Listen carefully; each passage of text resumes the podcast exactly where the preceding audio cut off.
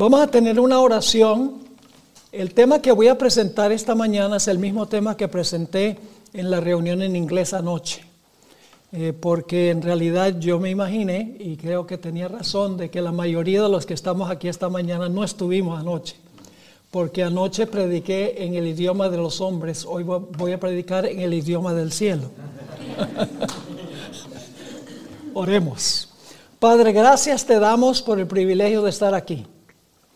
Gracias por este hermoso día de sábado y el privilegio que nos concede de estar en este hermoso lugar.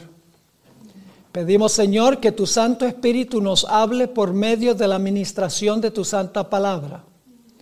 Danos claridad de pensamiento, corazones abiertos y capacítanos para vivir por ti en este tiempo de tanta maldad en el mundo. Ayúdanos, Señor, a vivir de acuerdo a tu voluntad. Ayúdanos a seguir tu plan para nosotros y no nuestro propio plan. Gracias te damos por el privilegio de la oración. Sabemos que tú has escuchado y responderás esta oración porque te lo imploramos en el nombre de Jesús. Amén. Amén. Amén. Quiero comenzar leyendo varios versículos de Isaías 46 y el versículo 9 al 11. Ah, ojalá que tengan sus Biblias porque vamos a usar mucho la Biblia porque en la Biblia es que está el poder. El poder no está en el predicador, el poder está en la palabra de Dios. Isaías 46 y el versículo 9 hasta el versículo 11. Isaías 46, 9 al 11. Dice lo siguiente. Acordaos de las cosas pasadas desde los tiempos antiguos. Aquí está hablando Dios. Porque yo soy Dios y no hay otro Dios y nada hay semejante a mí. Dios está diciendo, yo soy Dios, no hay otro. Ahora, ¿qué distingue a Dios de todos los que pretenden ser Dios pero no lo son?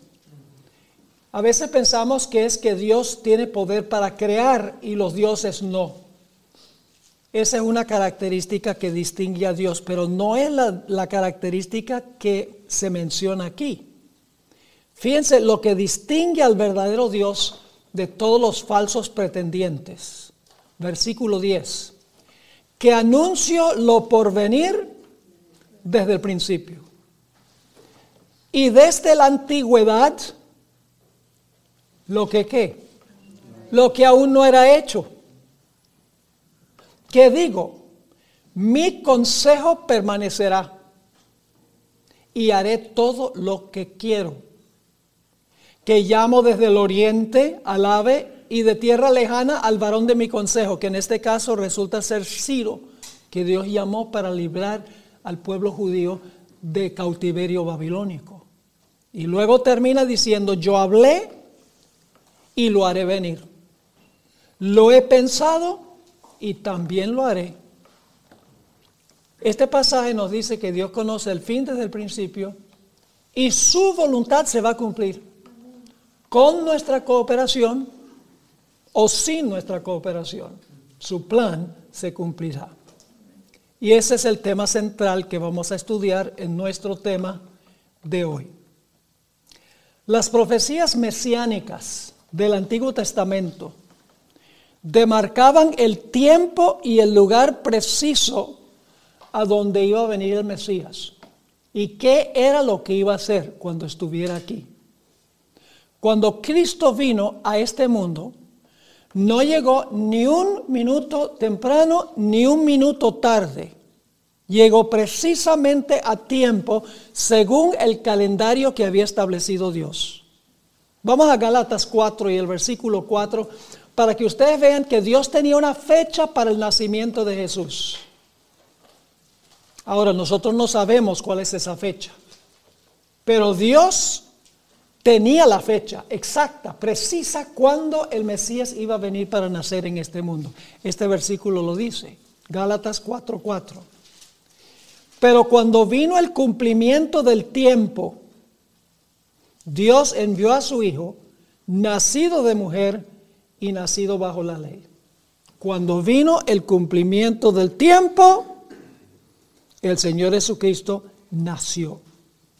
Ahora, alguno podría pensar, bueno, esa expresión, cuando vino el cumplimiento del tiempo, tal vez no se refiere específicamente al cumplimiento de una fecha que Dios había establecido, pero así es. Porque hay otro texto que usa una expresión similar a esta y se refiere a un momento preciso y exacto, cronológico, cuando iba a ser bautizado Jesús. Noten Marcos 1, 14 y 15. Marcos 1, 14 y 15. Aquí Jesús se acaba de bautizar. Acaba de salir del, del desierto, de ser tentado. Y está comenzando su ministerio terrenal. Y nos dice allí en Marcos 1, 14 y 15 Después que Juan fue encarcelado, Jesús vino a Galilea predicando el Evangelio del reino de Dios diciendo, el tiempo se ha cumplido, parecido a lo que leímos de Gálatas, ¿verdad? El tiempo se ha cumplido y el reino de Dios se ha acercado, arrepentidos y creed en el Evangelio. ¿A qué se refirió Jesús cuando, cuando dijo el tiempo se ha cumplido? El deseado de todas las gentes dice, que esto se refiere a la profecía de las 70 semanas. Que cuando comenzara la última semana, los últimos siete años, iba a aparecer el Mesías, el ungido. Cuando se cumplió la semana número 69, el Mesías apareció para bautizarse y para comenzar su ministerio. Es decir, Dios tenía una fecha en su calendario para el nacimiento de Jesús para el bautismo de Jesús, para la muerte de Jesús, para la resurrección de Jesús, la ascensión de Jesús, el comienzo de su ministerio sumo sacerdotal en el cielo y tiene una fecha también para la segunda venida, pero no nos ha revelado esa fecha. Solo nos ha dado señales que indican que está cerca, pero no nos ha revelado la fecha. Pero Dios tiene una fecha para la segunda venida, porque Jesús dijo, en cuanto al día y la hora nadie sabe, solo mi Padre sabe el día y la hora. Dios tiene una fecha para todo lo relacionado con el Señor Jesús. Desde la perspectiva de Dios no hay premura ni demora, pero para nosotros sí. Quiero leerles una cita muy interesante en El deseado de todas las gentes, página 23. Para los seres humanos, para nosotros, nosotros creemos que Dios está demorando en cumplir su plan, pero para Dios todo se está cumpliendo de acuerdo al calendario de Él. Nada lo sorprende. Noten esta cita. La venida del Salvador había sido predicha en el Edén. ¿Recuerdan Génesis 3.15? Iban a ser una simiente. Hemos estado estudiando eso en la escuela sabática. La venida del Salvador había sido predicha en Edén. Cuando Adán y Eva oyeron por primera vez la promesa, esperaban que se cumpliese pronto. Dieron gozosamente la bienvenida a su primogénito, esperando que fuese el libertador y resultó ser un asesino más bien. Pero el cumplimiento de la promesa tardó. ¿Tardó desde la perspectiva de quién? Nosotros. Para Dios no. Porque los planes de Dios no conocen ni premura ni demora. Se cumplen en un calendario preciso. Sigue diciendo, los que recibieron la promesa primero murieron sin verlo. Desde los días de Enoch la promesa fue repetida por medio de patriarcas y profetas, manteniendo viva la esperanza de su aparición.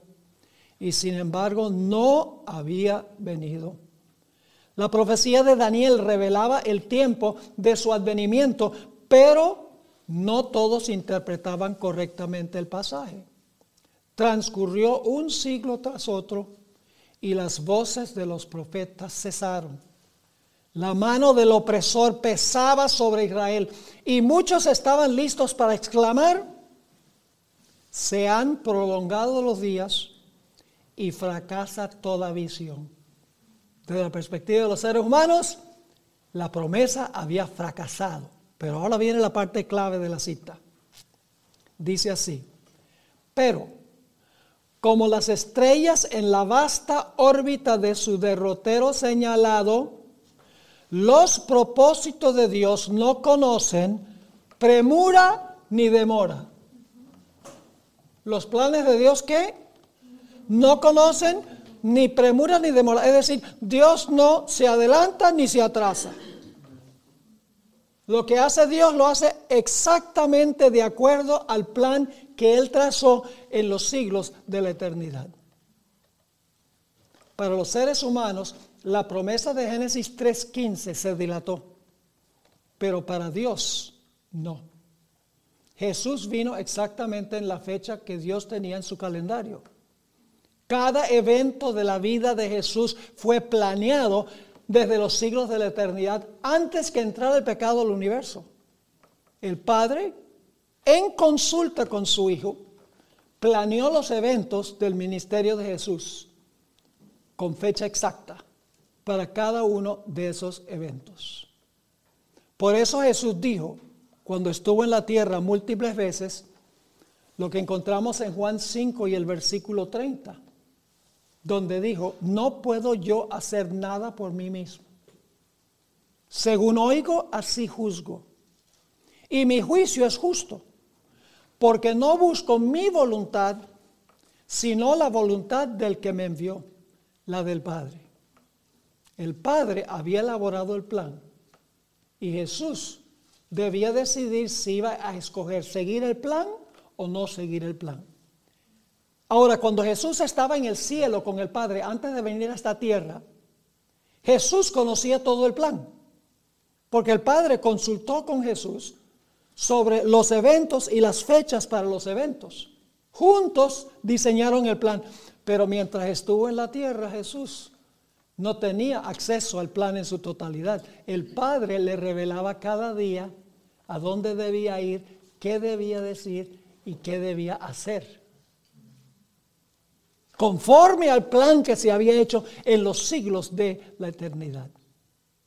Una de las competencias más fascinantes para mí de los Juegos Olímpicos Invernales es el patinaje sobre el hielo. A veces me pregunto cómo los participantes pueden patinar tan perfectamente. Sencillamente, hermanos y hermanas, porque cada movimiento, cada salto, cada pirueta fue meticulosamente planeado antes que comenzaran a patinar. Así fue con el plan de salvación elaborado por el Padre y el Hijo en los siglos de la eternidad. Cada evento de su vida fue planificado, no solo en relación con evento, sino también en relación con fecha. Ahora, durante su ministerio terrenal, el Señor Jesucristo sabía cuál era la voluntad de su Padre por varios medios. En primer lugar, Él oraba intensamente en comunión con su Padre. En segundo lugar, estudiaba a diestra y a siniestra las Sagradas Escrituras y el Antiguo Testamento que existía en ese tiempo. En tercer lugar, el Señor Jesucristo miraba cuidadosamente los servicios del santuario, los sacrificios y las ofrendas y las ceremonias, para discernir cuál era la voluntad del Padre para con él. También por la contemplación de la naturaleza. El Señor Jesucristo divisaba diariamente el plan que se había trazado en la eternidad, pero que el Padre le revelaba a él solamente cada día. Tomemos un ejemplo de cómo lo que había sido hecho en la eternidad ocurrió exactamente como se había predicho.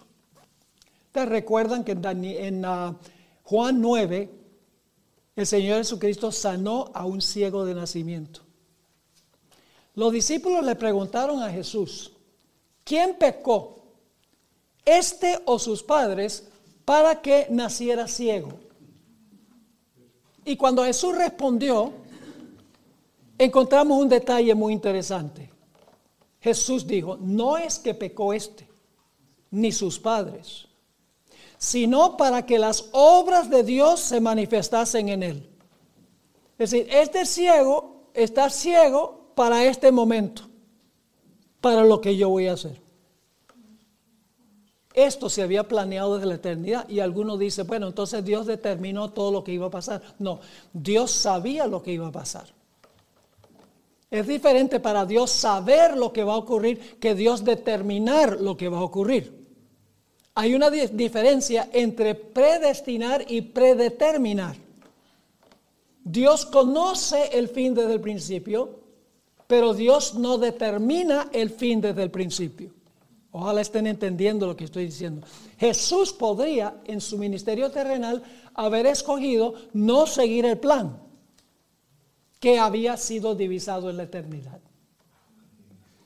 Ahora ustedes recuerdan que en varias ocasiones el Señor Jesucristo dijo, mi hora no ha llegado o mi tiempo no ha llegado. Vamos a leer algunas referencias, todas están en el Evangelio según San Juan, a donde Jesús dijo, todavía no ha llegado mi tiempo, todavía no ha llegado mi hora. Vamos en primer lugar a Juan 2 y el versículo 4. Así es que aquí es que ustedes se van a dar cuenta que Dios ya había establecido de antemano todo lo que iba a ocurrir en el ministerio de Jesús. Jesús sencillamente tenía que escoger seguir el plan. En Juan 2 encontramos que Jesús está en las bodas de Caná como un invitado a la fiesta de bodas. Y se acaba el vino, que era un desastre en aquella época, porque una fiesta sin vino no era fiesta. Así que la madre viene, se acabó el vino. La respuesta de Jesús fue muy interesante. En Juan 2 y el versículo 4 encontramos las siguientes palabras. Jesús le dijo, ¿qué tienes conmigo, mujer? No crean que eso fue una falta de respeto, era una forma en aquella época de los hijos hablar con la madre. ¿Qué tienes que ver conmigo, mujer? Y luego Jesús dijo, aún no ha venido qué? Mi hora. ¿Qué quiso decir Jesús cuando dijo, aún no ha venido mi hora? Ya lo vamos a ver. Ahora vamos a Juan 7 el versículo 6 y el versículo 8. Juan 7, versículo 6 y el versículo 8. Aquí los hermanos de Jesús están animándolo que vaya a Jerusalén para celebrar la fiesta de los tabernáculos o la fiesta de las cabañas. Los hermanos le están diciendo, ve a Jerusalén para celebrar, la fiesta. Nota lo que dice el versículo 6. Aquí está hablando Jesús. Mi tiempo aún no ha llegado, mas vuestro tiempo está presto. Y luego el versículo 8, Jesús le dice a sus hermanos, subid vosotros a la fiesta. Yo no subo todavía a esa fiesta, porque mi tiempo aún no se ha cumplido. Vamos a Juan el capítulo 7 y el versículo 30. Varias veces procuraron arrestar a Jesús y no pudieron. Querían matar a Jesús, pero no podían. Fíjense lo que dice Juan 7 y el versículo 30. Aquí Jesús le dice a un grupo de judíos que su padre lo había mandado a este mundo. Uh, se, se enfogonaron, como dicen los puertorriqueños. Se airaron con eso. ¿Cómo que tu padre te ha mandado acá? Y querían echarle mano. Pero noten lo que dice en Juan 7:30.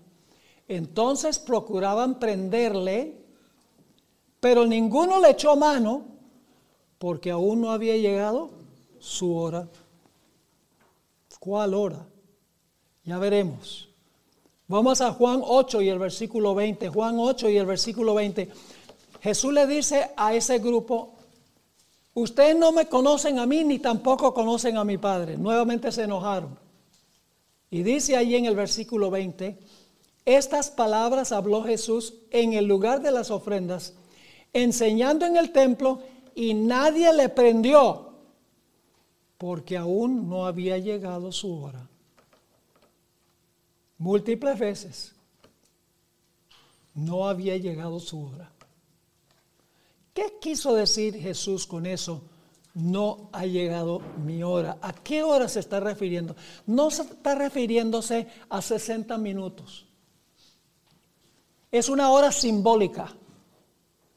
Vamos a encontrar ahora en un momento que Jesús comparó el periodo de su ministerio con un día de 12 horas. No es un día literal, es un día simbólico, ¿ok?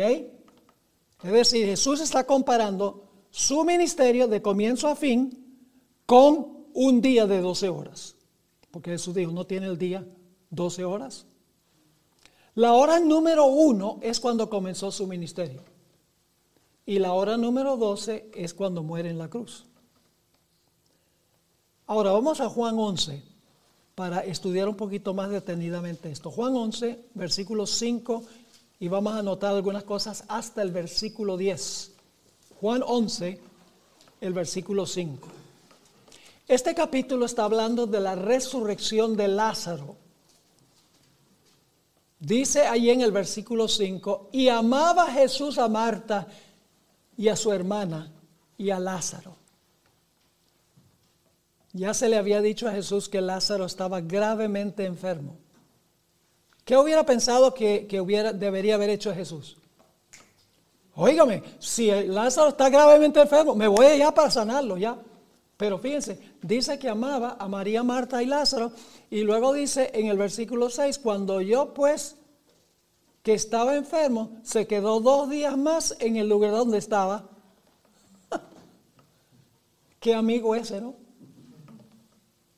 Dice, esperemos dos días más.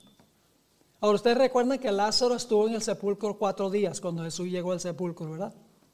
Los cuatro días son un día que se demoró el mensajero para ir de Betania a donde estaba Jesús, porque Jesús estaba lejos. Ese es un día. Los dos días adicionales que Jesús esperó y luego un día para regresar de donde estaba Jesús a donde estaba Lázaro. Los, son los cuatro días que Lázaro tenía en el sepulcro. Ahora, los discípulos quedaron sacudidos por, por, lo que parecía ser la falta de simpatía de Jesús. Lázaro está gravemente enfermo. Quedémonos aquí dos días. Pero lo que Jesús le va a decir ahora lo sacude a uno aún más. Dice en el versículo 7, luego después de esto, después de los dos días, dijo a sus discípulos, vamos a Judea otra vez. Los discípulos de ¿está loco este hombre? Que vamos a Judea otra vez. En Juan 8 habían tratado de apedrear a Jesús porque dijo, antes que Abraham fuese yo soy. Y en Juan 10, el capítulo anterior, Jesús había dicho, yo y el Padre uno somos. Se enojaron y también querían apedrearlo. Y ahora Jesús dice, vamos a regresar otra vez allá. No es sabio lo que tú estás recomendando, Jesús. Así que en el versículo 8 dice, le dijeron los discípulos, rabí, ahora procuraban los judíos apedrearte y otra vez vas allá. Tu vida va a estar en peligro. Y ahora Jesús responde de una forma como que no tiene sentido lo que va a decir Jesús. Como que está desubicado con la conversación. Versículo 9. Respondió Jesús, ¿no tiene el día 12 horas? ¿Qué tiene eso que ver con lo que, con lo que acaba de decir Jesús? Vamos a Judea. ¿No tiene el día 12 horas? El que anda de día no tropieza porque ve la luz de este mundo. Pero el que anda de noche tropieza porque no hay luz en él. Lo que está diciendo Jesús aquí es que no es sino hasta la hora número 12 que van a poder arrestarlo y lo van a poder matar. Para este tiempo no había llegado la hora y mientras no llegara la hora, si él caminaba en la luz, nadie le podía hacer nada. Podía regresar otra vez a Judea, iba a estar seguro.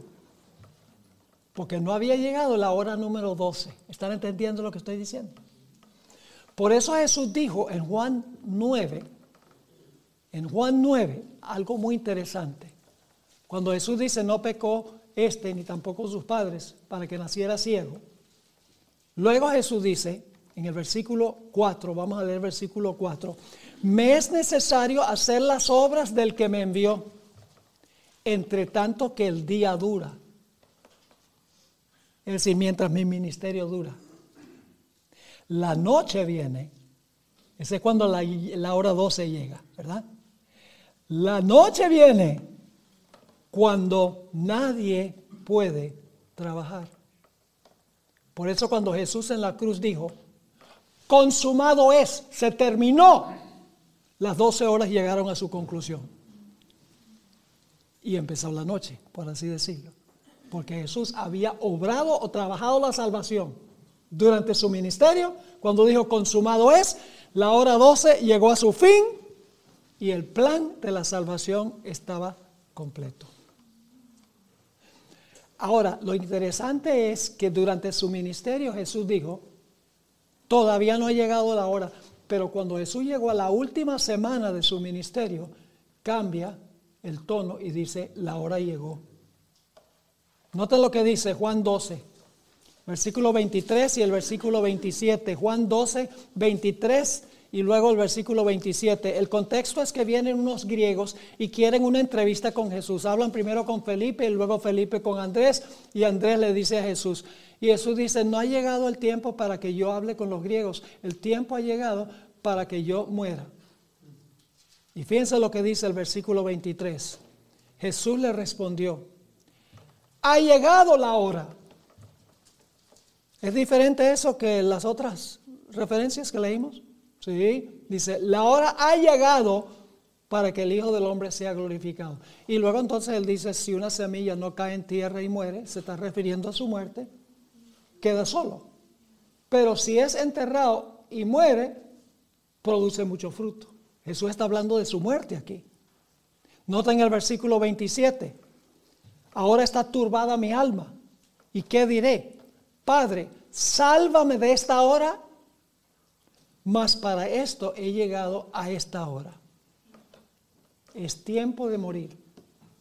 Es la hora número 12. Ha llegado la hora. Noten Juan 13 y el versículo 1. Juan 13 y el versículo 1. Aquí Jesús se está reuniendo en el aposento alto con sus discípulos para la, fiesta de la Pascua, participar del alimento de la Pascua. Y dice ahí en el versículo 1, antes de la fiesta de la Pascua, sabiendo Jesús que su hora había llegado, esto es jueves en la noche, ahí va a ir a Getsemaní y luego va a morir en la cruz. Jesús, sabiendo que su hora había llegado para que pasase de este mundo al Padre, como había amado a los suyos que estaban en el mundo, los amó hasta el fin. Y luego, en camino al Getsemaní, Jesús eleva esa oración majestuosa de Juan 17, donde ruega por la unidad de los discípulos. Y dice en el versículo 1 de Juan 17, estas cosas habló Jesús y levantando los ojos al cielo dijo, Padre, la hora ha llegado, glorifica a tu Hijo para que también tu Hijo te glorifique a ti. ¿Están entendiendo esto? La hora no ha llegado, mientras Jesús está en su ministerio, nadie lo puede tocar con tal que camine en la luz. Pero llega el momento cuando, cuando termina la hora número 12, Jesús dice, consumado es, ya no trabaja más para la salvación del ser humano, vivió su vida perfecta, murió en la cruz del Calvario y empieza la noche simbólicamente hablando. Antes de entrar el pecado del universo, repito, el Padre y el Hijo se sentaron para repasar el plan de salvación en caso de que el hombre pecase. Todos los eventos y el tiempo para esos eventos fueron planeados en el más mínimo detalle en los siglos de la eternidad. Y algunos podrían decir, ¿será así? Le voy a leer ahora una cita extraordinaria del deseado de todas las gentes, página 121. Escuchen esta cita extraordinaria. Jesús, aquí la hermana Guay está explicando lo que quiso decir Jesús cuando dijo, mi hora no ha llegado. Dice así, las palabras, aún no ha venido mi hora, indican que todo acto ¿Cuántos actos? Todo acto de la vida terrenal de Cristo se realizaba en cumplimiento del plan trazado desde la eternidad.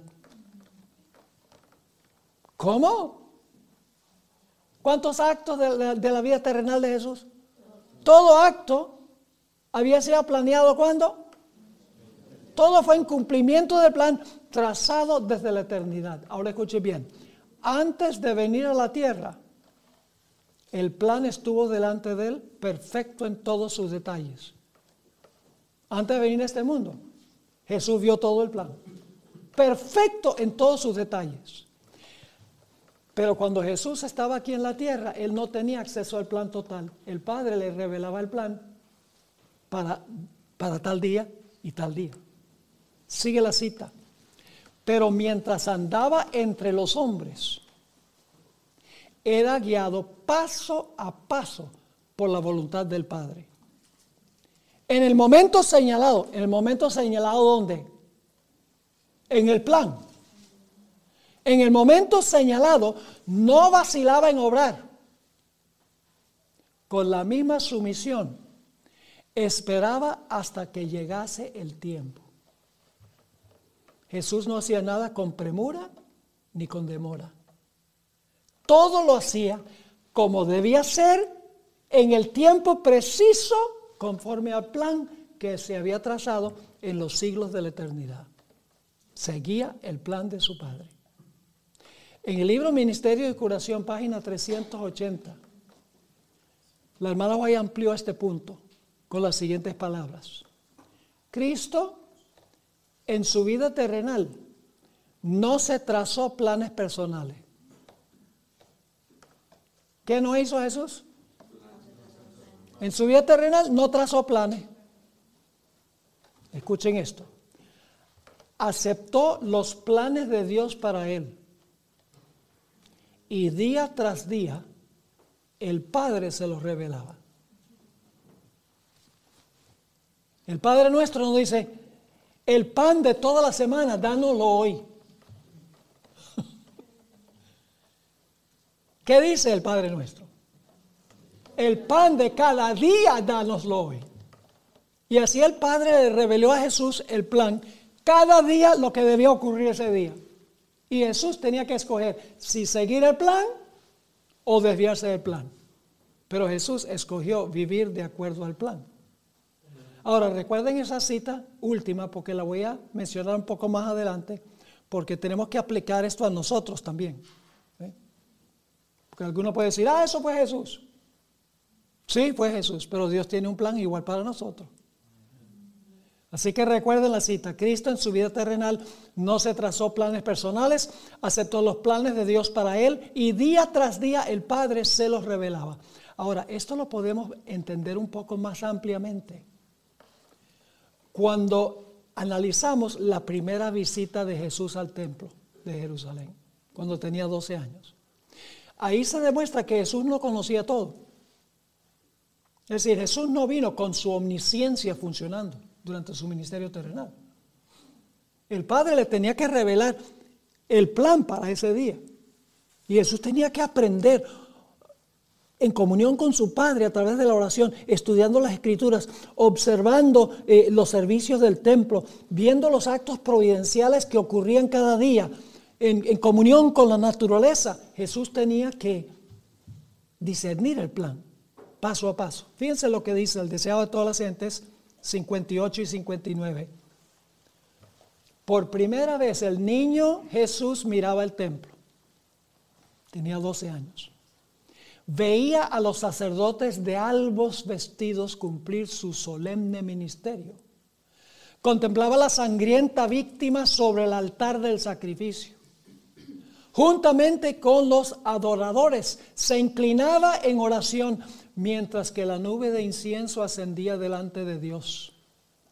Presenciaba los impresionantes ritos del servicio pascual. Escuchen esto, día tras día veía más claramente su significado. ¿Está aprendiendo Jesús aquí? ¿Conoce todo lo que conoció en la eternidad? No, no, está aprendiendo. Así que dice, día tras día veía más claramente su significado. Todo acto parecía ligado con su propia vida.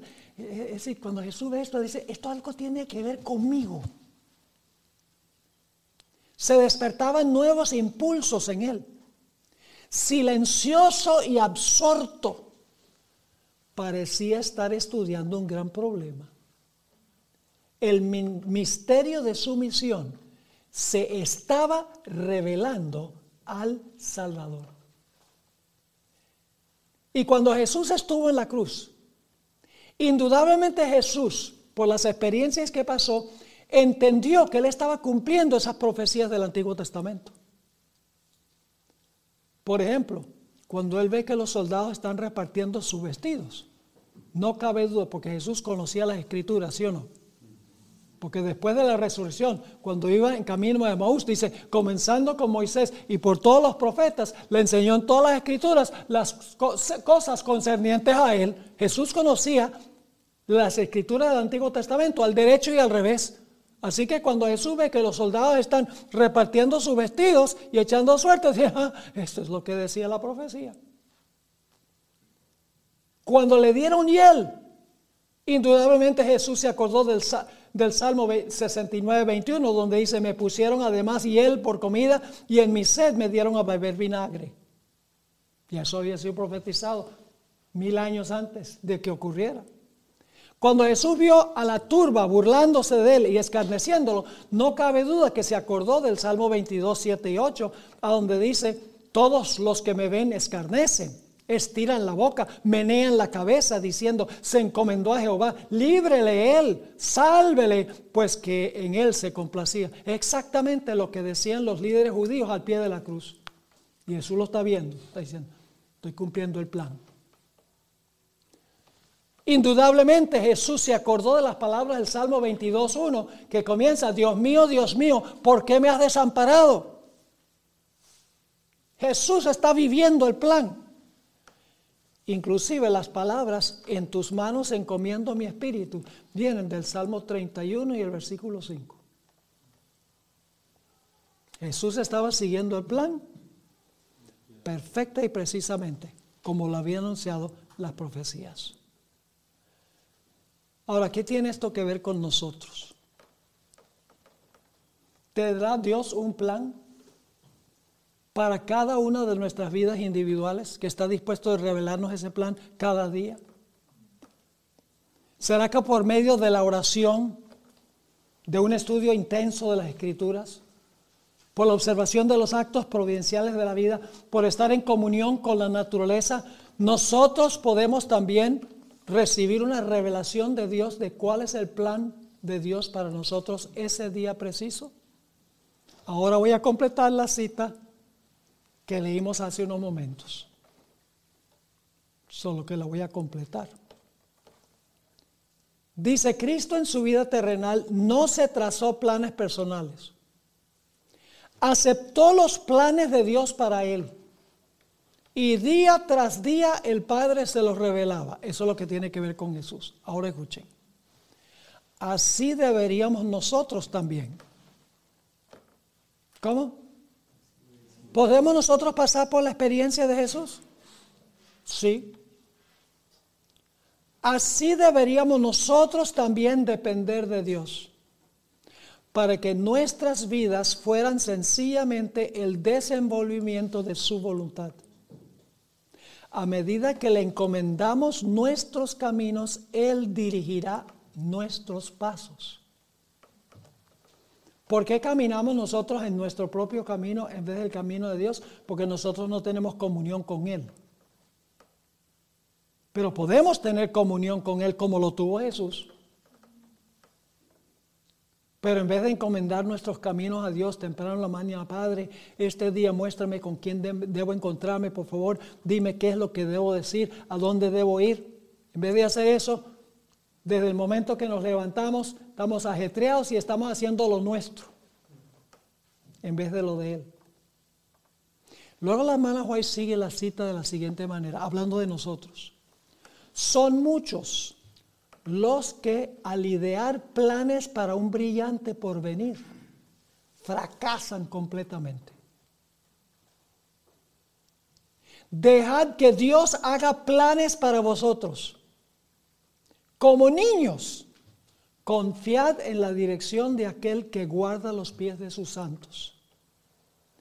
Dios no guía jamás a sus hijos de otro modo que el que ellos mismos escogerían, si pudieran ver el fin desde el principio y discernir la gloria del designio que cumplen como colaboradores con Dios. A veces refunfuñamos por las cosas que nos pasan en la vida. ¿Por qué, Señor? ¿Por qué dejaste que pasara esto? Y empezamos a quejarnos. Pero ¿saben algo? Cuando lleguemos al otro lado y estemos mirando hacia atrás, le vamos a decir al Señor, Señor, gracias por hacerlo a tu manera. Ahora entiendo. Lo que pasa es que nosotros no podemos leer la razón de todo lo que nos ocurre. Pero cuando lleguemos allá y miremos hacia atrás, vamos a decir, ah, ya entiendo por qué pasó eso, ya entiendo por qué razón sucedió eso. Es porque Dios tenía un plan. La vista en retrospectiva es 2020. Por traducir un dicho en inglés, hindsight is 2020. Cuando uno mira hacia atrás dice, wow, ahora sí entiendo. Gracias por hacerlo a tu manera. Esta cita la usa la hermana White también para hablar de Juan el Bautista. ¿Saben que Juan, Juan el Bautista murió más o menos a los 30 años, jovencito? Y Jesús nunca lo visitó en la cárcel. Y Juan se desanimó en la cárcel. No podía entender por qué razón. Si él había introducido a Jesús como el Cordero de Dios que quita el pecado del mundo. Había dicho, yo no soy digno de, amarrar las sandalias de él. Y Jesús ni lo visita. Y ahora Juan empieza a dudar, dice, eh, eh, manda uno, dos de sus discípulos para preguntarle a Jesús, ¿eres el que estamos esperando o hemos de esperar a otro? No está seguro. Y murió a los 30 años. Parece muy injusto. Pero la hermana Guay usa esta cita. Ella dice que Juan el Bautista, cuando resucite Juan el Bautista y vea que su testimonio y su fidelidad fue una inspiración para miles de mártires que murieron durante la persecución de los 1260 años por parte del papado. Él va a decir, valió la pena que yo muriera cuando morí. Valió la pena. Cuando pasó, no entendía, pero mirando hacia atrás, entiendo. Así que no procuremos explicar todo lo que nos pasa. Alabemos a Dios en las buenas y en las malas.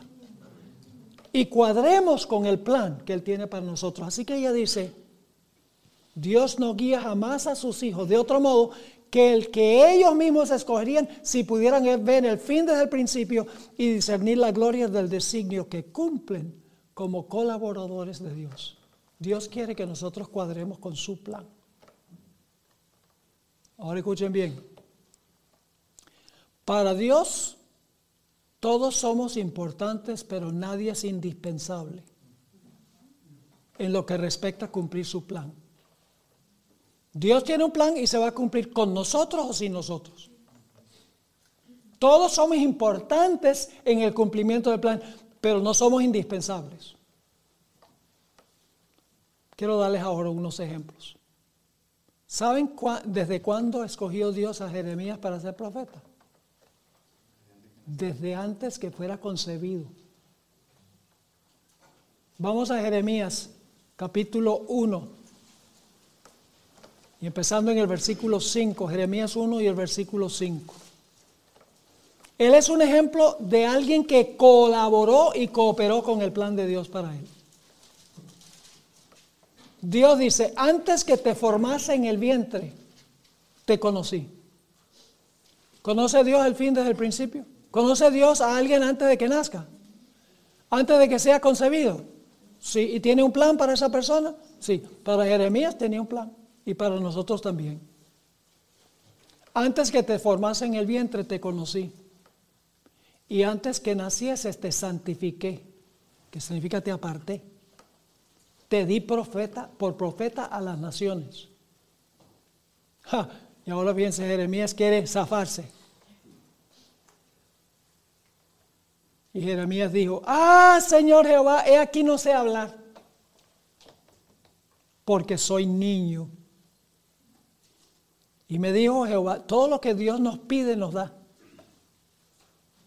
Todo lo que Dios nos pide nos da los recursos para cumplir lo que Él pide. No digas soy un niño, porque a todo lo que te envíe irás tú y dirás todo lo que te mande.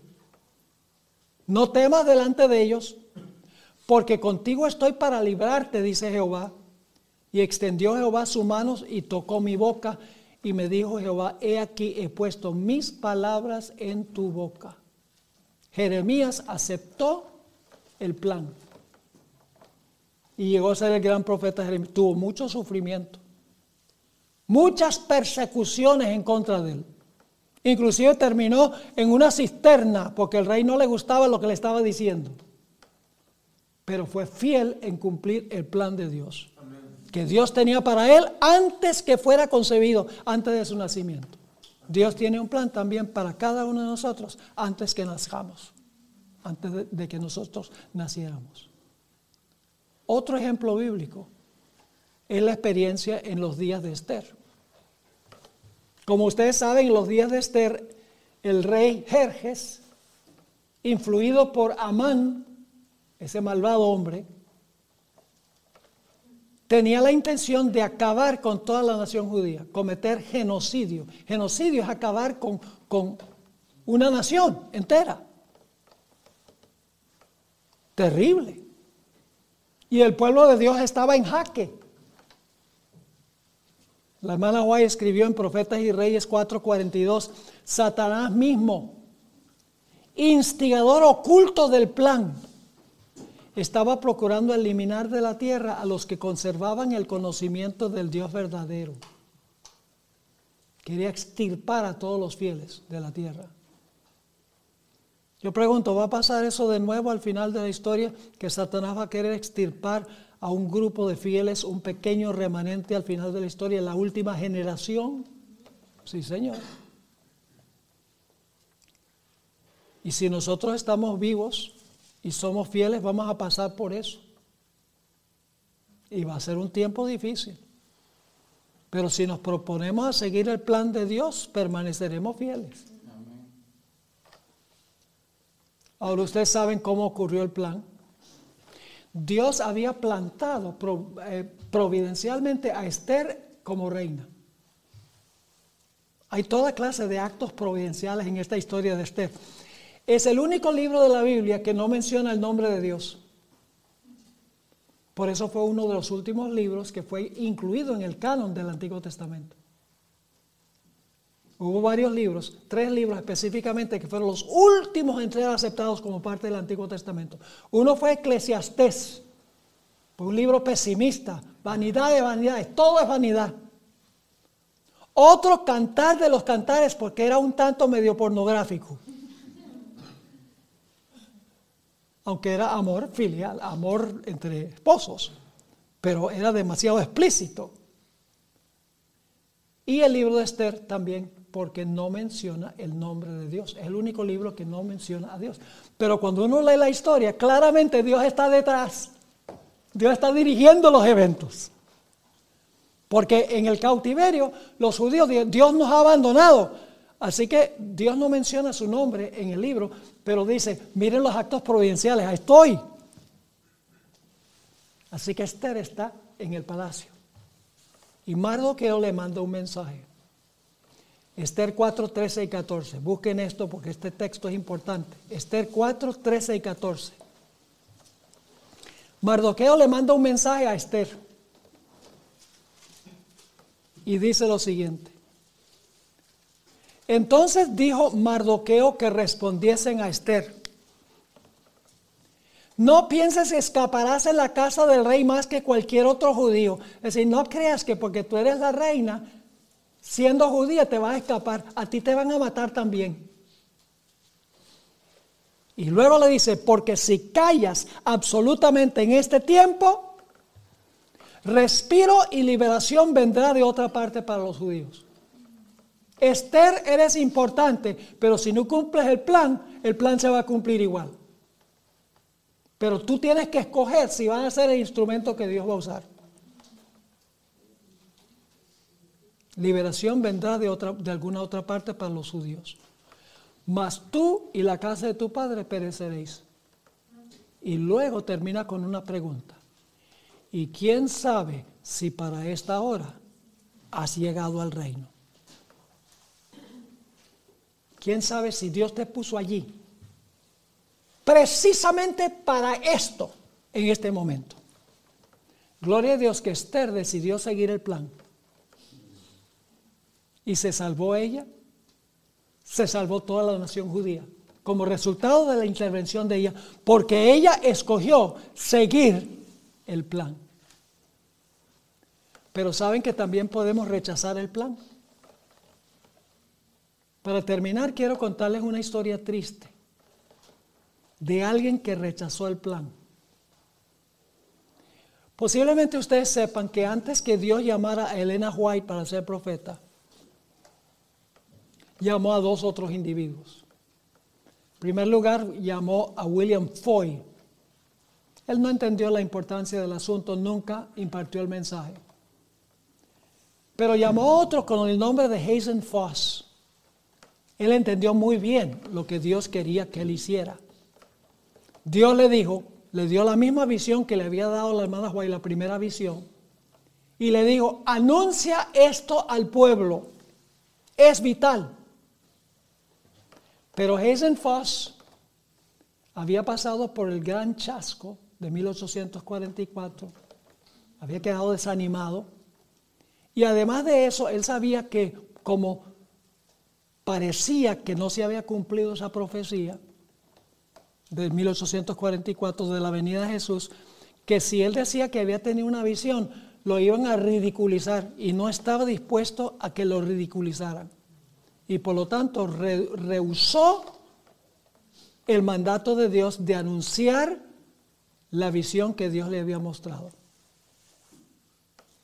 Bueno, nuevamente Dios por segunda vez le dio otra vez la visión. Y le dijo, Hazen, anúncialo a todas las personas. Pero nuevamente él pensó, no, el chasco, eso demostró que ese movimiento no era de Dios. Y si yo digo que tuve una visión, me van a tratar como ridículo porque todo el mundo está diciendo que tienen visiones. Así que no estoy dispuesto. Y Dios le dijo, si no aceptas el plan, voy a escoger al débil de los más débiles para cumplir el propósito. Así que Hazen rechazó el llamado. Y cuando lo hizo, Ahora voy a leer lo que describió el nieto de Elena White. Lo que voy a leer ahora es del nieto de la hermana White. Dice, entonces le sobrellevaron unos sentimientos muy extraños. Y una voz le dijo, has contristado al Espíritu del Señor. Eso fue lo que, lo que le dijo la voz a Hazen Foss. Esto asustó a Hazen horrorizado por su propia testarudez y rebelión. Le dijo al Señor, ahora sí estoy dispuesto de relatar la visión.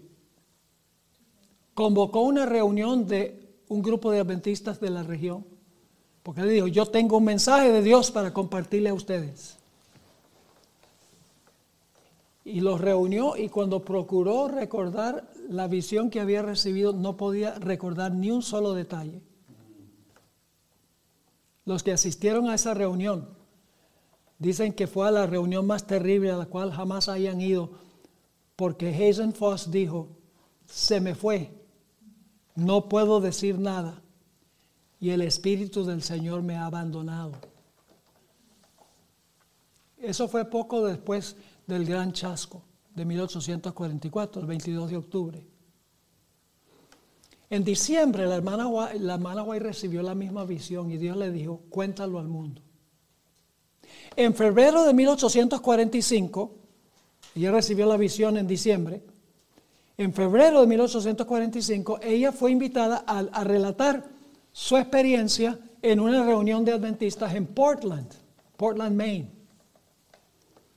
Y ella reunió a los hermanos y les contó. Lo que no sabía era que Hazen Foss estaba afuera escuchando lo que ella estaba diciendo, contando su primera visión. Después que ella terminó de predicar y de presentar el mensaje, Hazen pidió una entrevista con ella. Y quiero hablar contigo. Y ahora quiero leerles lo que él le dijo a la hermana White, su propio testimonio. Yo me llené de orgullo y no comprendí la razón del chasco. Murmuré contra Dios y quería morir. Entonces vino una extraña sensación sobre mí. Desde ahora en adelante seré como hombre muerto a las cosas espirituales. Creo que Dios me ha quitado las visiones y se las ha dado a usted. Le está diciendo la hermana White.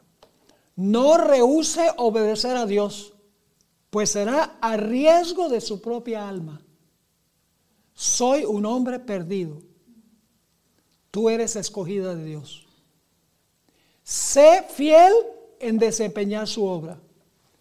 Y la corona que podría haber tenido, la recibirás tú. ¿Me hace pensar de un versículo de la Biblia? Apocalipsis 3, 10 y 11. Por cuanto has guardado la palabra de mi paciencia, yo también te guardaré de la hora de la prueba que ha de venir sobre el mundo entero para probar a los que moran sobre la tierra. He aquí yo vengo pronto, retén lo que tienes para que ninguno tome tu corona. Elena White tendrá la corona que Dios tenía planeada para Hazen Foss, porque ella escogió seguir el plan, mientras que Hazen Foss escogió no hacerlo. Yo pregunto, ¿igual se cumplió el plan de Dios? ¿Se cumplió el plan? Sí. Dios escogió a la más débil de los débiles. Una mujer que los médicos decían no iba a vivir, no iba a vivir nada, nada porque le habían dado una pedrada en la cara. Ya la habían desahuciado. Débil físicamente. Con dos años y medio de educación primaria. Tuvo que aprender a escribir ella. Y uno lee los escritos iniciales de ella, son escritos como de un niño, sencillos. Luego, con el paso del tiempo, su capacidad de escribir es mucho más sofisticada. Pero Dios escogió a Hazen, Hazen dijo no. Pero el plan de Dios no se estropeó. Hazen era importante, pero no indispensable. El plan de Dios se va a cumplir con nosotros o sin nosotros. Pero si se cumple sin nosotros, nosotros vamos a perder la bendición. Así que hermanos y hermanas, tenemos que consagrarnos al Señor. ¿Te recuerdan otra historia que ilustra cómo un individuo decidió cooperar con Dios, seguir el plan? Es la historia de José. Tremenda historia esa. Imagínense, era un buen muchacho, muchachito bueno. ¿Y cuál fue la recompensa? Pues Satanás obró sobre sus hermanos para que lo vendieran a Egipto. José podría haber dicho, ve, yo sirvo a Dios y mira lo que pasa. Me venden. Ah. Pero Dios tenía un plan. Lo que pasa es que José no sabía del plan. Pero dijo, yo voy a cooperar con el plan. Y luego, imagínense usted, la esposa de Potifar lo acusa falsamente y termina en la cárcel. José podría haber dicho, oh, ve, ahora primero me venden como cautivo y luego entonces ahora me, voy a la cárcel y soy inocente. Podría haber refunfuñado. Pero Dios tiene un plan. El plan de estar en la casa de Potifar era para aprender administración, porque él administraba la casa de Potifar, porque iba a tener que administrar todos los productos de la tierra. Necesitaba experiencia administrativa. Él no lo sabía en el momento, que Dios lo estaba preparando para algo más grande, pero decidió colaborar con el plan. ¿Están conmigo? ¿Por qué fue a parar la cárcel? Ah, porque tenía que conocer al copero. ¿Quién es, ¿Quién es el que está obrando? ¿Quién es el que está dirigiendo esto? Dios está dirigiendo. José no entiende. Pero dice, voy a, voy a seguir el plan. Algún día voy a entender el plan. Y luego el copero sale y Dios le da amnesia por dos años porque no era tiempo todavía. Pero cuando Dios le da los sueños a Faraón, ahora era tiempo. Y el copero, Dios le dice, ahora acuérdate, acuérdate. Y se acuerda y le dice al faraón, yo sé quién puede decir el significado de los sueños. Y José llega a ser primer ministro de Egipto. Y había tenido esos sueños, donde, ¿recuerdan los, los, sueños de las espigas que se inclinaban a él? Y el sol, la luna y las estrellas que se inclinaban a él. Él no sabía cómo se iba a cumplir eso, pero cuando vinieron sus hermanos y se inclinaron ante él, él dice, ah, el plan se está desarrollando. Y el resultado de esto, hermanos y hermanas, fue que se cumplió la profecía de los 400 años, donde Dios había dicho que e, iban a emigrar de Canaán a Egipto. Y después de 400 años iban a regresar otra vez a la tierra de Canaán. El vínculo para hacer eso posible fue José. ¿Cómo creen ustedes que José miró esta experiencia ya después de toda su experiencia? ¿Creen que, lo miró de una forma distinta ah, de cuando lo estaban llevando cautivo a Egipto que después al final de la historia? ¿Creen que lo miraba de una forma diferente? Claro, dice, ah, ahora entiendo cuál era el plan de Dios. Entiendo todos los pasos. Gracias a Dios que seguí el plan. Dios tiene un plan para nosotros también. La cuestión es si vamos a seguir el plan o no. Para saber el plan tenemos que consagrarnos, tenemos que orar como nunca. Tenemos que estudiar la palabra como nunca. Tenemos que fijarnos cuidadosamente en los actos providenciales que ocurren diariamente en nuestra vida. Tenemos que estar en comunión con la naturaleza. Tenemos que consagrarnos a Él. Y cada mañana decir, Señor, quiero cumplir tu plan hoy. Por favor, revélame cuál es tu plan. Estoy dispuesto a seguirte a donde tú me lleves. ¿Les quedó claro lo que estudiamos? Oro al Señor para que sea nuestra experiencia, hermanos y hermanas. A los que Dios aman, todas las cosas les ayudan a bien. Es decir, los que conforme a su propósito, porque tenemos que hacerlo conforme a su propósito. Así que ojalá que nosotros podamos tener esa experiencia de los grandes héroes de Dios que cuadraron con el plan de Dios. No entendían en el momento, pero finalmente vieron que el plan de Dios es el mejor plan. Oremos. Padre, gracias te damos por hablarnos a través de tu palabra hoy. Pedimos, Señor, que esto no sea solamente un ejercicio académico, sino que nos inspires a cuadrar con tu plan. Revélanos tu plan. Queremos seguirlo. No importa a dónde nos lleve. Gracias Señor por habernos acompañado. Pedimos que continúes bendiciendo este campamento. Te lo pedimos en el nombre de Jesús.